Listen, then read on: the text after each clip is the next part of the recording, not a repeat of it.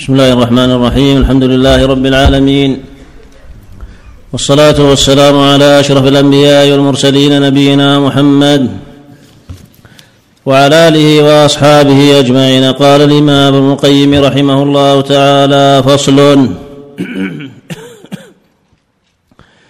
ومنها تحريق أمكنة المعصية التي يعصى الله ورسوله فيها وهدمها كما حرق ومنها. ومنها تحريق أمكنة المعصية التي يعصى الله ورسوله فيها وهدمها. كما حرق رسول الله صلى الله عليه وسلم مسجد الضرار وأمر بهدمه. وهو مسجد يصلى فيه ويذكر اسم الله فيه. لما كان بناؤه ضرارا وتفريقا بين المؤمنين. وتفريقا بين المؤمنين ومأوى للمنافقين. وكل مكان هذا شأنه فواجب على الإمام تعطيله. وهذا بسم الله الرحمن الرحيم. وهذا لقوله جل وعلا والذين اتخذوا مسجدا ضرارا وكفرا وتفريقا بين المؤمنين وإرصادا لمن حارب الله ورسوله من قبل ولا يحلفن إن أردنا إلى الحسنى والله يشهد إنهم لكاذبون. لا تقوم فيه أبدا. فلما كان مؤسسا على الشر والفساد والكفر والضلال أمر النبي بهدمه أمره الله بهدمه والقضاء عليه وعدم القيام به وهكذا المؤسسات اللي تؤسس للفساد ومحادة الله ورسوله يقضى عليها وتهدم وتمنع. كل شيء بحسبه. الشيء الذي يقتضي الهدم يهدم والذي يقتضي المنع يمنع كل شيء بحسبه. المقصود تعطيل مواضع الشر وعدم التمكين من إقامة الشر فيها. فإذا كان محل معدل لبيع الخمر يمنع إذا كان محل معدل للزواني وجمعهم على الفاحشة يمنع وهكذا. مواضع الشر التي يعرفها ولي الأمر يمنعها. وإذا أرادت المصلحة هدمها هدمها على ما يرى ولي الأمر. نعم.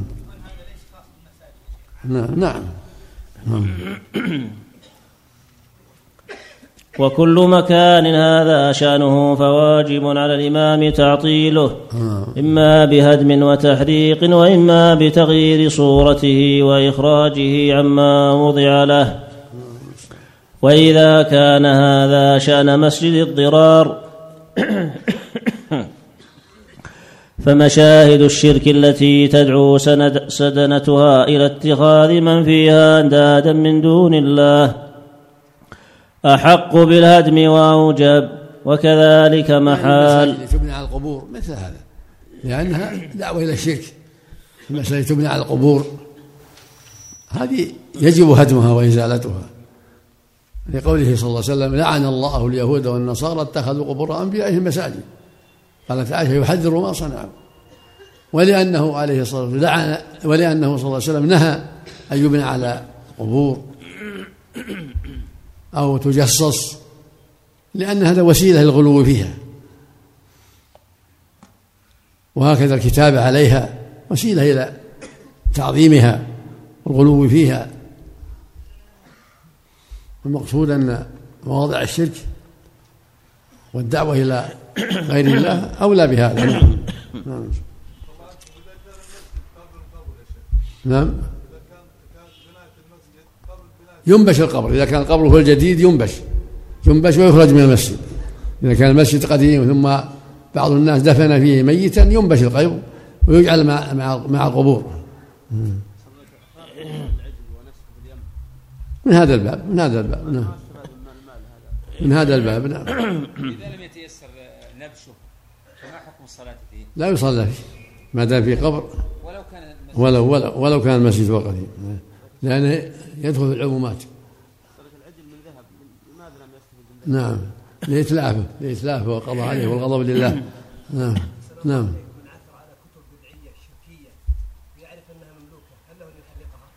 إذا كان له سلطة ولا يرفع الأمر إلى غيره. نعم. نعم. وكذلك محال المعاصي والفسوق كالحانات وبيوت الخمارين وأرباب المنكرات. وقد حرق عمر بن الخطاب رضي الله عنه قرية بكمالها يباع فيها الخمر. وحرق حانوت رويشد الثقفي وسماه فويسقا. وحرق قصر سعد عليه لما احتجب فيه عن الرعية. وهم رسول الحواشي معلش. نعم وهم رسول الله صلى الله عليه وسلم بتحريق بيوت تاركي حضور الجماعة والجمعة. إيش؟ وهم رسول الله صلى الله عليه وسلم بتحريق بيوت تاركي حضور الجماعة والجمعة. وإنما منعه من فيها من النساء والذرية. الذين لا تجب عليهم كما أخبره عن ذلك. ويحتمل أنه منعه من ذلك أن النار لا يعذب بها إلا الله. فلهذا لم يحرقها عليهم. نعم صلى عليه وسلم. نعم.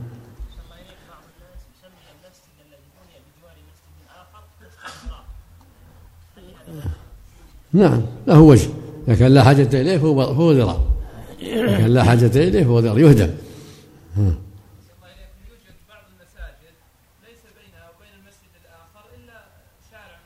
إذا كان لها أسباب لا بأس أما شارع عظيم يشق تجاوزه أو لأن المسجد الأول صغير وهذا المسجد الآخر يتوسع فيها القرية لأنهم كثروا والأول صغير أو بينهم شوارع يشق قطعها لأسباب. ومنها أن الوقف لا يصح على غير بر ولا قربة كما لم يصح وقف هذا المسجد. وعلى هذا نعم الوقف إذا كان على غير بر لا يصح. إذا وقف على المساجد التي تبنى على القبور أو وقف على بناء القبور تشييد القبور تجسيسها أو وقف على إقامة الموالد أو ما أشبه له من المعاصي. أو وقف وقفا تصرف غلته في شرب الخمر وفي القمار وما أشبه نعم. وعلى المباح مباح لا بأس مباح لا بأس. وقف على مباح يعني. نعم. لعب أو على مثلا لإقامة لعب الكورة في يعني بعض المفتون يقول الكورة يمكن محل نظر محل نظر. نعم. نعم. ومنها أن الوقف لا يصح على غير بر ولا قربة كما لم يصح وقف هذا المسجد. وعلى هذا فيهدم المسجد إذا بني على قبر كما ينبش الميت إذا دفن في المسجد. نص على ذلك الإمام أحمد وغيره فلا يجتمع. هذا هو هذا هو الواجب. كان المسجد هو الأول نبش القبر وإن كان القبر هو الأول وبني عليه المسجد هدم المسجد. نسأل الله العافية. نعم الحكم الأخير. نعم. نعم لا حول ولا قوة إلا بالله. فلا يجتمع في دين الإسلام مسجد وقبر فأيهما طرى على الآخر منع منه وكان الحكم للسابق. فلو وضعا معا لم يجز ولا يصح هذا الوقف ولا يجوز. لا حول ولا ولا تصح الصلاة في هذا المسجد لنهي رسول الله صلى الله عليه وسلم عن ذلك. اللهم صل ولعن من اتخذ القبر مسجدا أو أوقد عليه سراجا. فهذا دين الإسلام الذي بعث الله به رسوله ونبيه وغربته بين الناس كما ترى. الله أكبر. والله غريب. الله أكبر. الآن غالب الدول المنتسبة للإسلام تجد فيها تشييد المساجد على القبور وعبادة من دون الله والرغبة إليها والاستغاثة بها والنذر لها ولا حول ولا قوة إلا بالله. هذه غربة الإسلام. نسوا صار البدعة سنة والسنة بدعة وصار الشرك دينا وقربة نسأل الله العافية ولا حول ولا قوة مثل ما قال صلى الله عليه وسلم بدأ الإسلام غريبا وسيعود غريبا كما بدأ. فطوبى الغرباء. قال عليه الصلاة والسلام لتتبعن سنن من قبلكم روايتها سنن من كان قبلكم شبرا بشبر وذراعا بذراع نعم اللهم المستعان.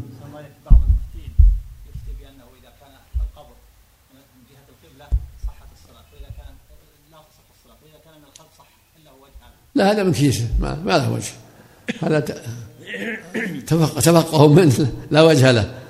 متى صار القبر فيه في جانب يمين أو شمال أو أمام أو خلف. متى كان القبر موجودا وقام عليه المسجد يهدم. ومتى وجد في المسجد نزع إذا كان المسجد هو الأول. في أي مكان كان في المسجد؟ أحيانا يذكرون انه يكون مفصول. مثلا في خلف المسجد كما قال الشيخ عبد العزيز. لا هذا إذا كان فصل جديد. إذا كان فصل جديد ما ينفع. أما إذا كان فصل قديم مدهون خارج المسجد ما يضر المسجد. لو كان خارج اسوار المسجد ما يضر المسجد. لكن يبعد مع المقبرة أحوط. وأما إذا كان داخل المسجد داخل سور المسجد يجي ان ينبش إذا كان هو الأخير.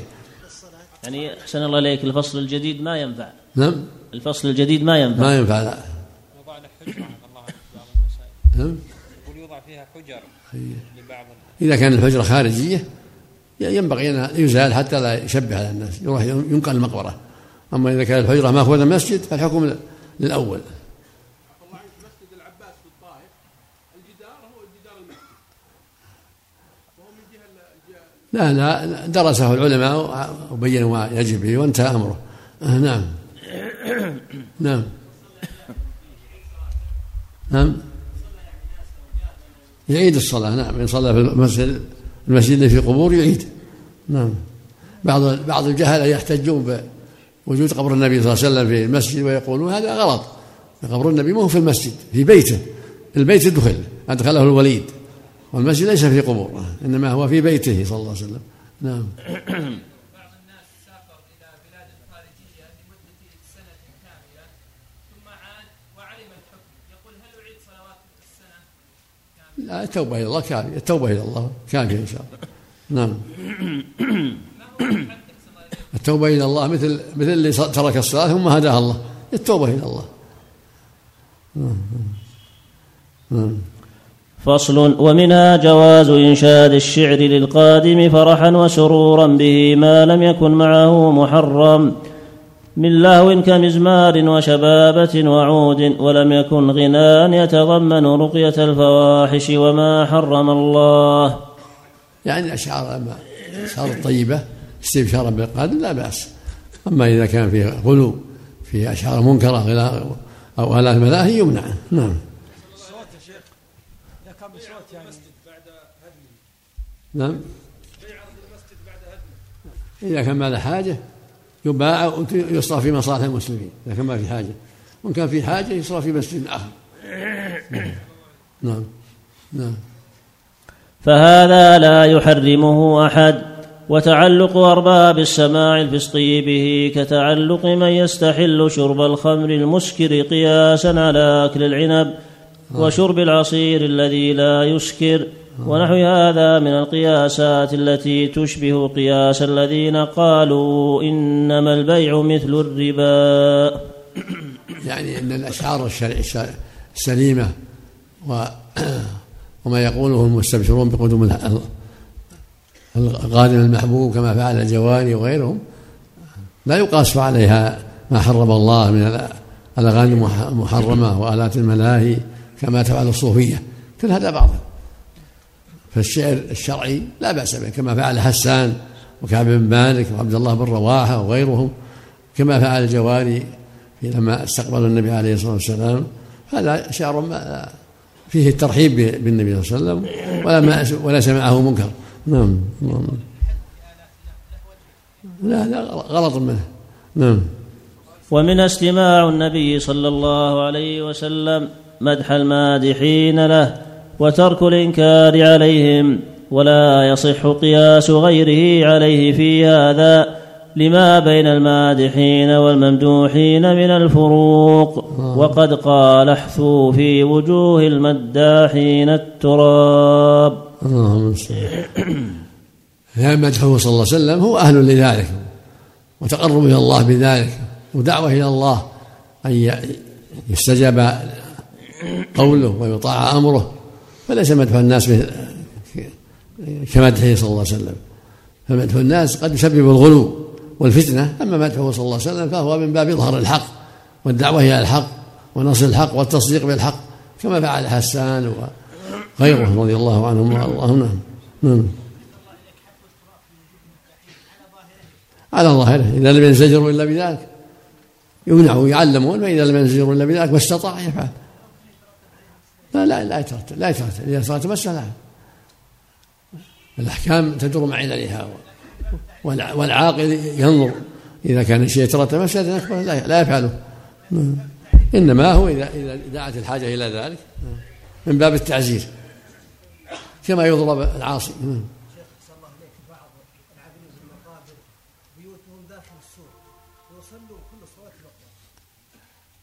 الواجب أن تفصل عن المقبرة هذا الواجب. بيت العامل يفصل عن المقبرة هذا الواجب. نعم. نعم إذا مدحه حاضر مدح ميت بأنه صار الدين ودعا إلى الله لا بأس. أما المدح وجه الإنسان ينبغي تركه. لأنه قد يسبب الغلو ومنها ما اشتملت عليه قصة الثلاثة الذين خلفوا من الحكم والفوائد الجمة. فنشير إلى بعضها فمنها جواز إخبار الرجل عن تفريطه وتقصيره في طاعة الله ورسوله وعن سبب ذلك. فمنها فمنها جواز إخبار الرجل عن تفريطه وتقصيره في طاعة الله ورسوله وعن سبب ذلك وما آل إليه أمره وفي ذلك من التحذير والنصيحة وبيان طرق الخير والشر. وما يترتب عليها ما هو من أهم الأمور. لأن كعبا وصاحبيه أخبروا قالوا ما لنا عذر. تخلفنا عن غزوة تبوك ما لنا عذر كل الثلاثة قالوا ما لنا عذر كنا مؤسرين وعندنا روحنا ولكن التكاسل والتباطؤ حتى فرط الجيش. فلما أخبروا بمعصيتهم وأنه لا عذر لهم اقتضت الشريعة هجرهم المدة التي كتبها الله عليهم ثم تاب الله عليهم. نعم. ومنها جواز مدح الإنسان نفسه بما فيه من الخير إذا لم يكن على سبيل الفخر والترفع. مثل ما قال كعب إن الله جل وعلا هداه ووفقه للصدق فلم يكذب كلمة من من حين جرى ما جرى ويرجو يعصمه الله في المستقبل. ومنها تسلية الإنسان نفسه عما لم يقدر له من الخير. بما قدر له من نظيره أو خير منه. الله أكبر. نعم. ومنها كما فعل كعب نعم. ومنها أن بيعة العقبة كانت من أفضل مشاهد الصحابة رضي الله عنهم حتى إن كعبا رضي الله عنه كان لا يراها دون مشهد بدر لأن الله قال فيها لقد رضي الله عن المؤمنين إذ يبايعك تحت الشجرة فيعلم ما في قلوبهم فأنزل السكن وأثاب فتحا قريبا كون رضي الله عنهم هذا نعمة عظيمة. أخبر أنه رضي عنهم سبحانه وتعالى. الذي يبايعك هذه بيعة الرضوان. وهذا فضل من الله جل وعلا. وكذلك ما قال فيهم سبحانه والسابقون الأولون من المهاجرين والأنصار والذين اتبعهم بإحسان رضي الله عنهم ورضوا عنه وأعد لهم جنات تجري تحتها الأنهار. في هذا الرد على الرافضة. أن الله رضي عنهم وهم لم يرضوا عنهم بل سبوهم في الرد على الرد على الرافضة وعلى الخوارج. نسأل الله العافية. نعم. إيش عندك؟ بيعة العقبة أحسن الله إليك. كذلك بيعة العقبة نعم.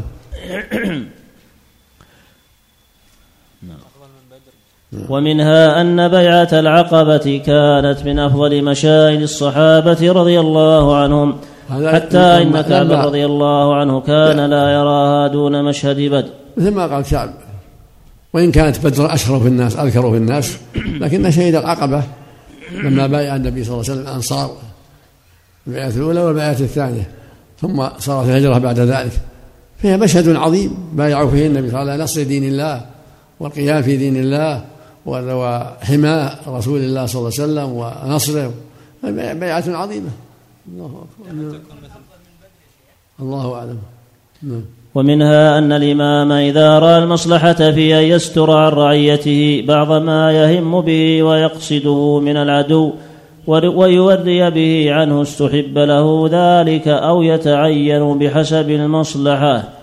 ومنها لأنه كان صلى الله عليه وسلم إذا أراد غزوة ورى بغيرها. للمصلحة. نعم.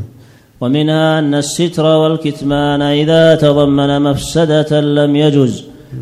ومنها أن الجيش في حياة النبي صلى الله عليه وسلم لم يكن لهم ديوان. وأول من دون الدواء وأول من دون الديوان عمر بن الخطاب رضي الله عنه.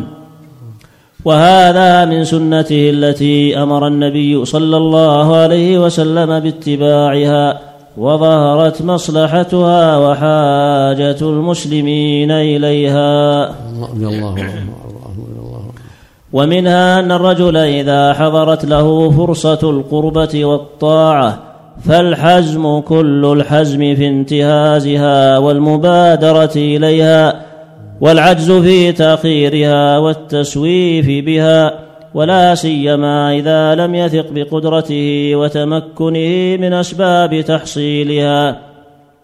فإن العزائم والهمم سريعة الانتقاض قلما تثبت. والله سبحانه يعاقب من فتح له بابا من الخير فلم ينتهزه بأن يحول بين قلبه وإرادته. فلا يمكنه بعد من إرادته عقوبة له. فمن لم يستجب لله ورسوله إذا دعاه حال بينه وبين قلبه وإرادته. فلا يمكنه الاستجابة بعد ذلك. قال تعالى يا أيها الذين آمنوا استجيبوا لله وللرسول إذا دعاكم لما يحييكم. واعلموا أن الله يحول بين المرء وقلبه. وقد صرح الله سبحانه بهذا في قوله ونقلب أفئدتهم وأبصارهم كما لم يؤمنوا به أول مرة وقال تعالى فلما زاغوا أزاغ الله قلوبهم وقال وما كان الله ليضل قوما بعد إذ هداهم حتى يبين لهم ما يتقون وهو كثير في القرآن. وهذا يوجب الحذر من المعاصي والشرور وأنها أن صاحبها قد يعاقب بعدم التوفيق بعد ذلك. نسأل الله العافية. فالواجب الحذر وعدم التفريط فلا يفرط في واجب ولا يقدم على معصية فقد يعاقب. بتفريطه في إقدام على المعصية أو في تفريطه في عدم القيام بالواجب كما جرى عليه الثلاثة. الواجب الحذر انتهاز الفرص. جاءت فرصة الحق سارع إليه. وإذا جاء الباطل حذر منه. وليحذر أن يطبع على قلبه. ونقلب أفئدتهم وأبصارهم كما لم يؤمن أول مرة. ونذرهم في طغيانهم يعمهون نسأل الله العافية. فلما زاغوا أزاغ الله قلوبهم.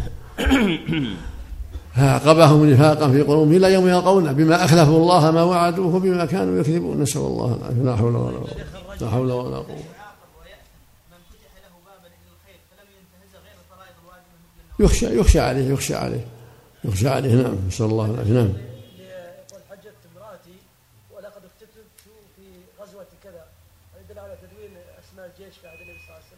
نعم يقول الرجل الذي حجت امراته وقال ولكني اكتتبت في غزوه كذا قال الحق بامراته وش فيه؟ أليس تدوين الاسماء في عهد النبي صلى الله عليه وسلم؟ لأن ترك لا محرم في خطر عظيم امره يقدم كون يذهب معها على غزوته لئلا تقع في مشاكل لا لا يدل أحسن الله إليك على وجود الديوان في عهده عليه الصلاة والسلام هذه كتابات يعني ما هي منظمة الديوان شيء يكتب أسماء المجاهدين ومرتبات أولا في أولا في عهد الصديق ثم كمل عمر رضي الله عنه وأرضاه. كان يكتب المجاهدين ويكتب ما, ما يجب لهم من المساعدات. حتى صار انتظر ديوان كبير للمجاهدين. نعم.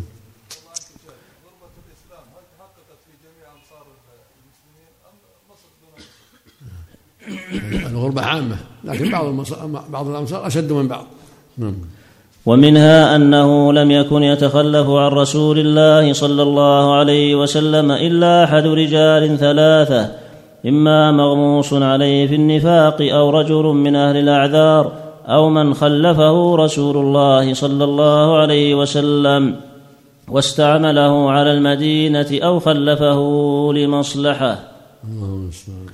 ومنها أن الإمام والمطاع لا ينبغي له أن يهمل من تخلف عنه في بعض الأمور بل يذكره ليراجع الطاعة ويتوب. ولهذا تفقدهم صلى الله عليه وسلم وسأل عنهم. دل على أن ولي الأمر يتفقد المعروفين وأهل العلم وأهل الفضل وأهل الجهاد والسوابق لا يغفل عنهم يسأل عنهم ما الذي خلفهم لما أين تغيبوا؟ هل هم مرضى؟ هل كذا؟ مثل ما كان يتفقد أصحابه عليه الصلاة والسلام. نعم. فإن النبي صلى الله عليه وسلم قال بتبوك ما فعل كعب ولم يذكر سواه من المخلفين استصلاحا له ومراعاة وإهمالا للقوم المنافقين. الله اللهم المستعان ومنها جواز الطعن في الرجل بما يغلب على اجتهاد الطاعن حمية أو ذبا عن الله ورسوله. ومن هذا طعن أهل الحديث في من طعنوا فيه من الرواة ومن ومن هذا طعن ورثة الأنبياء وأهل السنة. في أهل الأهواء والبدع لا والبدع لله لا لحظوظهم وأغراضهم نعم، هذا هو هذا هو الواجب وهذا نصح لله ولرسوله. هذا باب النصيحة لله ولرسوله. نعم الله أكبر نعم. إذا كان يظهرها إذا كان تظهر يحذر نسأل الله العافية نعم. ومنها جواز الرد على الطاعن إذا غلب على ظن الراد أنه وهم وغلط كما قال معاذ رضي الله عنه للذي طعن في كعب رضي الله عنه بئس ما قلت. والله يا رسول الله ما علمنا عليه إلا خيرا. ولم ينكر رسول الله صلى الله عليه وسلم على واحد منهما. الأول قال حبسه برداه والنظر في عطفه فرد عليه معاذ. وقال ما علمنا إلا خيرا. بئس ما قلت. نعم. الله أكبر. ومنها أن السنة للقادم من السفر أن يدخل البلد على وضوء وأن يبدأ ببيت ببيت الله قبل بيته فيصلي فيه ركعتين ثم يجلس للمسلمين عليه ثم ينصرف إلى أهله. كان النبي يفعل عليه الصلاة والسلام. اللهم صل عليه وسلم. نعم. ومنها أن رسول الله صلى الله عليه وسلم كان يقبل علانية من أظهر الإسلام من المنافقين ويكل أحسن الله عليه أحسن الله إليك. الحديث السابق الذي في ذكر المؤلف جاهدوا المشركين بألسنتكم وقلوبكم وأموالكم. بعد مراجعته ما ما فيه باللفظ هذا بألسنتكم وقلوبكم. هذا نعم هذا إذا كان الحافظ نعم. جاهدوا المشركين بأموالكم وأنفسكم وألسنتكم. نعم. ولكن أما القلوب هذه جاءت المنكر في إنكار المنكر. نعم. ولكن في صحيح مسلم أحسن الله إليك في حديث ابن مسعود أن النبي صلى الله عليه وسلم قال ما من نبي بعثه الله في أمة قبلي إلا في, في إنكار المنكر. نعم. لكن فيه أحسن الله حديث إليك قال مسعود وحديث أبي سعيد كله. فمن جاهدهم بيده فهو مؤمن ومن جاهدهم بلسانه فهو مؤمن ومن جاهدهم بقلبه فهو مؤمن. كذلك مثل ما قال في حديث أبي سعيد. نعم. نعم. من رأى منكم منكرا فليولي بيده لم بلسانه لم بقلبه. إن قال بقلبه هذا الجهاد. أحسن الله إليك. يخرج يخرج من المكان اللي فيه المنكر ولا يشاهده. مع كراهته بقلبه. نعم. أحسن الله إليك. يسأل بعض الإخوة الحاضرين يقول إنه مؤذن وعنده بيت للمسجد أجره على رجل واشترط عليه مع الأجار أن يؤذن بدله في أي وقت لأنه أحيانا ينشغل في بعض أموره. فهل هذا الشرط صحيح؟ لا بأس به. ما ما لا فيه بأس. نعم. شيخ الله عليك إذا دخل أحد المصلين المسجد ومعه راكعون فالإمام رفع مشتغل بالشيء ولا بأس. فدخل معه ثم سمع الإمام. هل ولا يدركها؟ إذا كان دخل بعد ما رفع الإمام ما أدركها يقضيها. أما إذا أدركه فيها قبل أن يرفع تجزئه. الإمام رافع لكن نسي التسميع.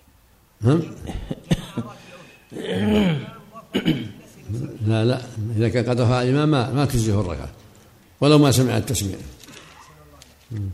القول حفظكم الله القول في إدراك الركوع أنه الاشتراك في الهوي الإمام يرفع وهذا يخطئ ما يصح لا يشت- يهوي والإمام قبل أن يرفع.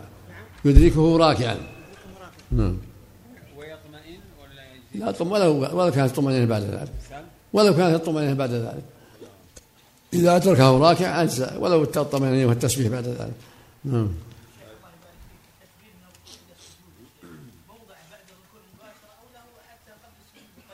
حاله السنة حال الهوي. السنة حال الهوي.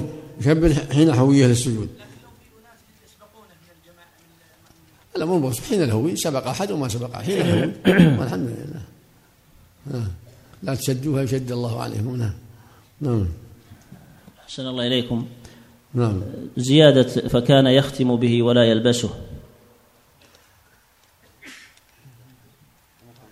فيه كلام عليها. أي.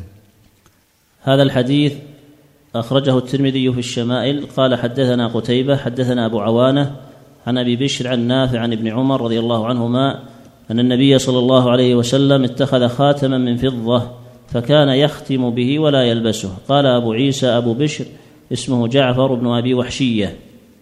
رواه النسائي من طريق أبي عوانة عن أبي بشر وأخرجه أبو الشيخ في أخلاق النبي صلى الله عليه وسلم. وقد شكك الحافظ ابن رجب الحنبلي رحمه الله في ثبوت هذا الحديث فقال في كتابه أحكام الخواتم حديث ابن عمر الذي رواه الترمذي في شمائله إن ثبت يقصد بهذا يقصد به هذا الحديث. وأبو بشر هذا تفرد عن أصحاب نافع الكبار بهذه الزيادة ولم يتابع عليها. فقد رواه عبيد الله العمري وأيوب بن موسى وال- والمعمر بن زياد وغيرهم فلم يذكروا هذه الزيادة ولم يذكرها إلا أبو بشر. وأبو بشر هذا هو جعفر بن إياس. وهو ابن أبي وحشية اليشكري أبو بشر الواسطي وقد أخرج له الجماعة وثقه ابن معين وأبو زرعة وأبو حاتم والعجلي والنسائي وضعفه وطعن فيه شعبة في روايته عن مجاهد وقال فيه أبو أحمد بن عدي وأبو بشر له غرائب وأرجو أنه لا بأس به فلعل هذه الزيادة من غرائبه. على كل حال هذه غلطة هذه زيادة غلطة لأن هذه الصلاة كلها دالة على كان يلبسه. حتى قال أنس إن رأيته لما تأخر عن صلاة العشاء أني أريد رأيته وبيص خاتمه وهو يصلي لما سلم من الصلاة عليه الصلاة والسلام. المقصود أن هذا غلطة غلطة من أبي بشر صاب أنه كان عليه يلبسه صلى الله عليه وسلم. نعم. أحسن الله إليك. رجل ذهب إلى الجمهوريات فتحمس لحال المسلمين هناك وخاصة عند وجوع عندما لقي قبولا بعد رجوعه قام بجمع تبرعات لطباعة الكتب النافعة في العقيدة واجتمع عنده مبلغ طيب ولكن تغيرت الظروف فلم يستطع السفر مرة أخرى لهذه البلاد ولا يعرف من يثق به. وهناك حاجة ماسة لهذه الكتب في بعض دول إفريقيا فهل يجوز تحويل المبلغ لطباعة الكتب مع ما في هذه البلاد من مع العلم أنه يتعذر عليه إخبار المتبرعين؟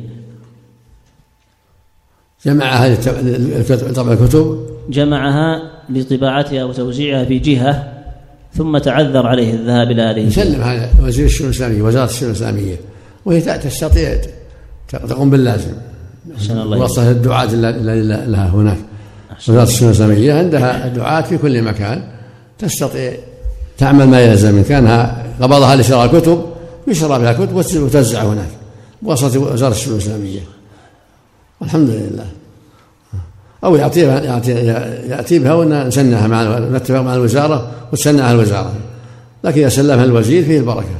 أو الوكيل الشيخ علي بن فادي من غير وكيل الوزير نعم. نعم. الله إليكم. أكمل في البحث السابق. نعم. إيش البحث؟ سم. بحث إيش؟ بحث صبغ الثياب بالزعفران. نعم. نعم. نعم.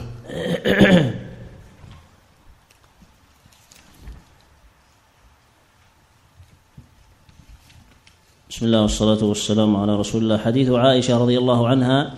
أخرجه الطبراني في الأوسط حدثنا المقدام. حدثنا عبد الملك بن مسلمة. حدثنا داود بن عطاء. حدثنا إيش؟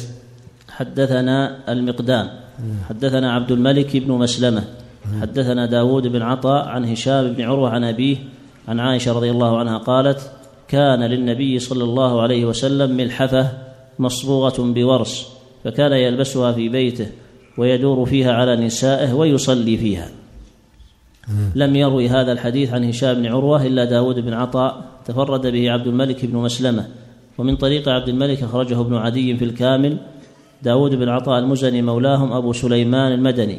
قال أحمد رأيته ليس بشيء. قال ابن عدي في حديثه بعض النكارة وليس ليس حديثه بالكثير. وقال ابن حبان كثير الوهم في الأخبار لا يحتج به بحال لكثرة خطئه وغلبته على صوابه. وقال أبو حاتم وأبو زرعة والبخاري منكر الحديث وفي التقريب ضعيف.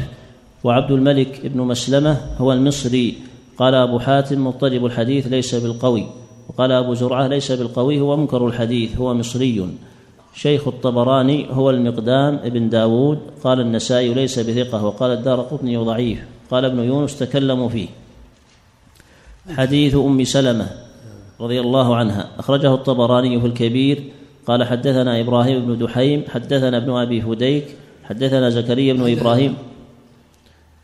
أخرجه الطبراني في الكبير.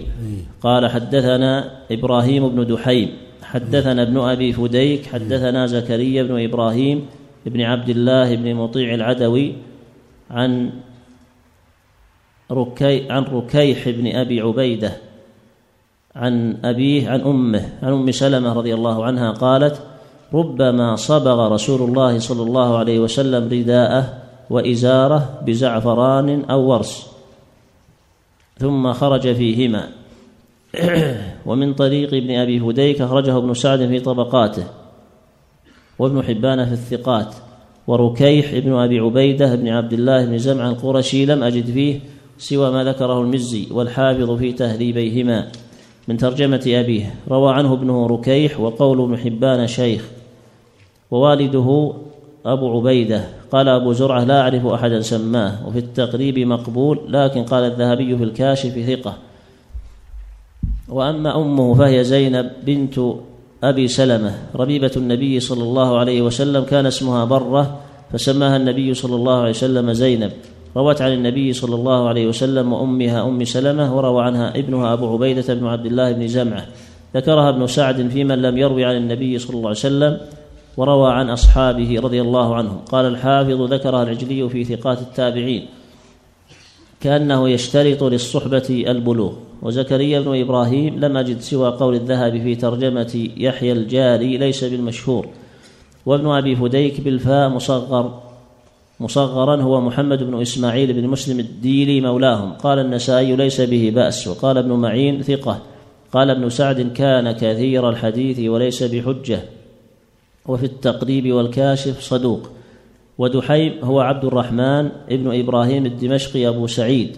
صدر الذهبي ترجمته بالحافظ قاضي الأردن وفلسطين. روى عن ابن أبي فديك وغيره.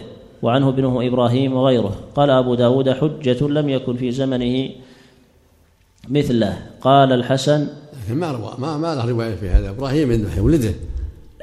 الراوي إبراهيم إبراهيم بن دحيم اللي ذكرت ما إبراهيم بن دحيم سم.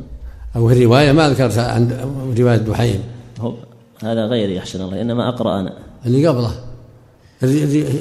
الرواية في الطبراني نعم. إيه، عن عندنا إبراهيم دحيم ابن دحيم. حدثنا إبراهيم ابن دحيم. آه عن حدثنا ابن أبي فديك. ما هو؟ ما له رواية دحيم. إبراهيم بن دحيم عن ابن فديك. إيش بعده؟ قال أبو داود حجة لم يكن في زمنه مثله. نعم. قال الحسن بن علي بن بحر قدم دحيم بغداد فرأيت أبي وأحمد بن حنبل ويحيى بن معين وخلف بن سالم قعودا بين يديه يكتبون كالصبيان. قال الحافظ ثقة حافظ متقن. قال أبو حاتم كلمني دحيم في تحديث أهل طبرية وقد كانوا أتوني يسألون التحديث فأبيت عليهم وقلت بلدة يكون فيها مثل أبي سعيد دحيم القاضي أحدث أنا بها بل هذا غير جائز. فكلمني دحيم فقال إن هذه بلدة نائية عن جادة الطريق وقل من يقدم عليهم فحدثهم. ومن شواهده ما أخرجه في الصحيحين أن عبيد بن جريج قال لعبد الله بن عمر رضي الله عنهما يا أبا عبد الرحمن رأيتك تصنع أربعا لم أرى أحدا من أصحابك يصنعها. قال ما هي يا ابن جريج؟ فذكر ورأيتك تصبغ بالصفرة. فقال رضي الله عنه أو أما الصفرة فإني رأيت رسول الله صلى الله عليه وسلم يصبغ بها فأنا أحب أن أصبغ بها وليس فيه ذكر الثياب والعمامة. لكن أخرج مالك رحمه الله في الموطأ عن نافع أن عبد الله بن عمر رضي الله عنهما كان يلبس الثوب المصبوغ بالمشن بالمشنق والثوب المص والثوب المصبوغ بالزعفران. ومما يدل على الإباحة ما في الصحيحين من حديث أنس رضي الله عنه أن النبي صلى الله عليه وسلم رأى على عبد الرحمن بن عوف أثر صفرة وفي رواية ردعا من زعفران فقال ما هذا؟ قال يا رسول الله إني تزوجت امرأة على وزن نواة من ذهب. قال بارك الله لك أولم ولو بشاه. فصل في ذكر الأحاديث الدالة على الزجر والنهي. أخرج الإمام أحمد في مسنده. أحسن الله إليه نعم نعم.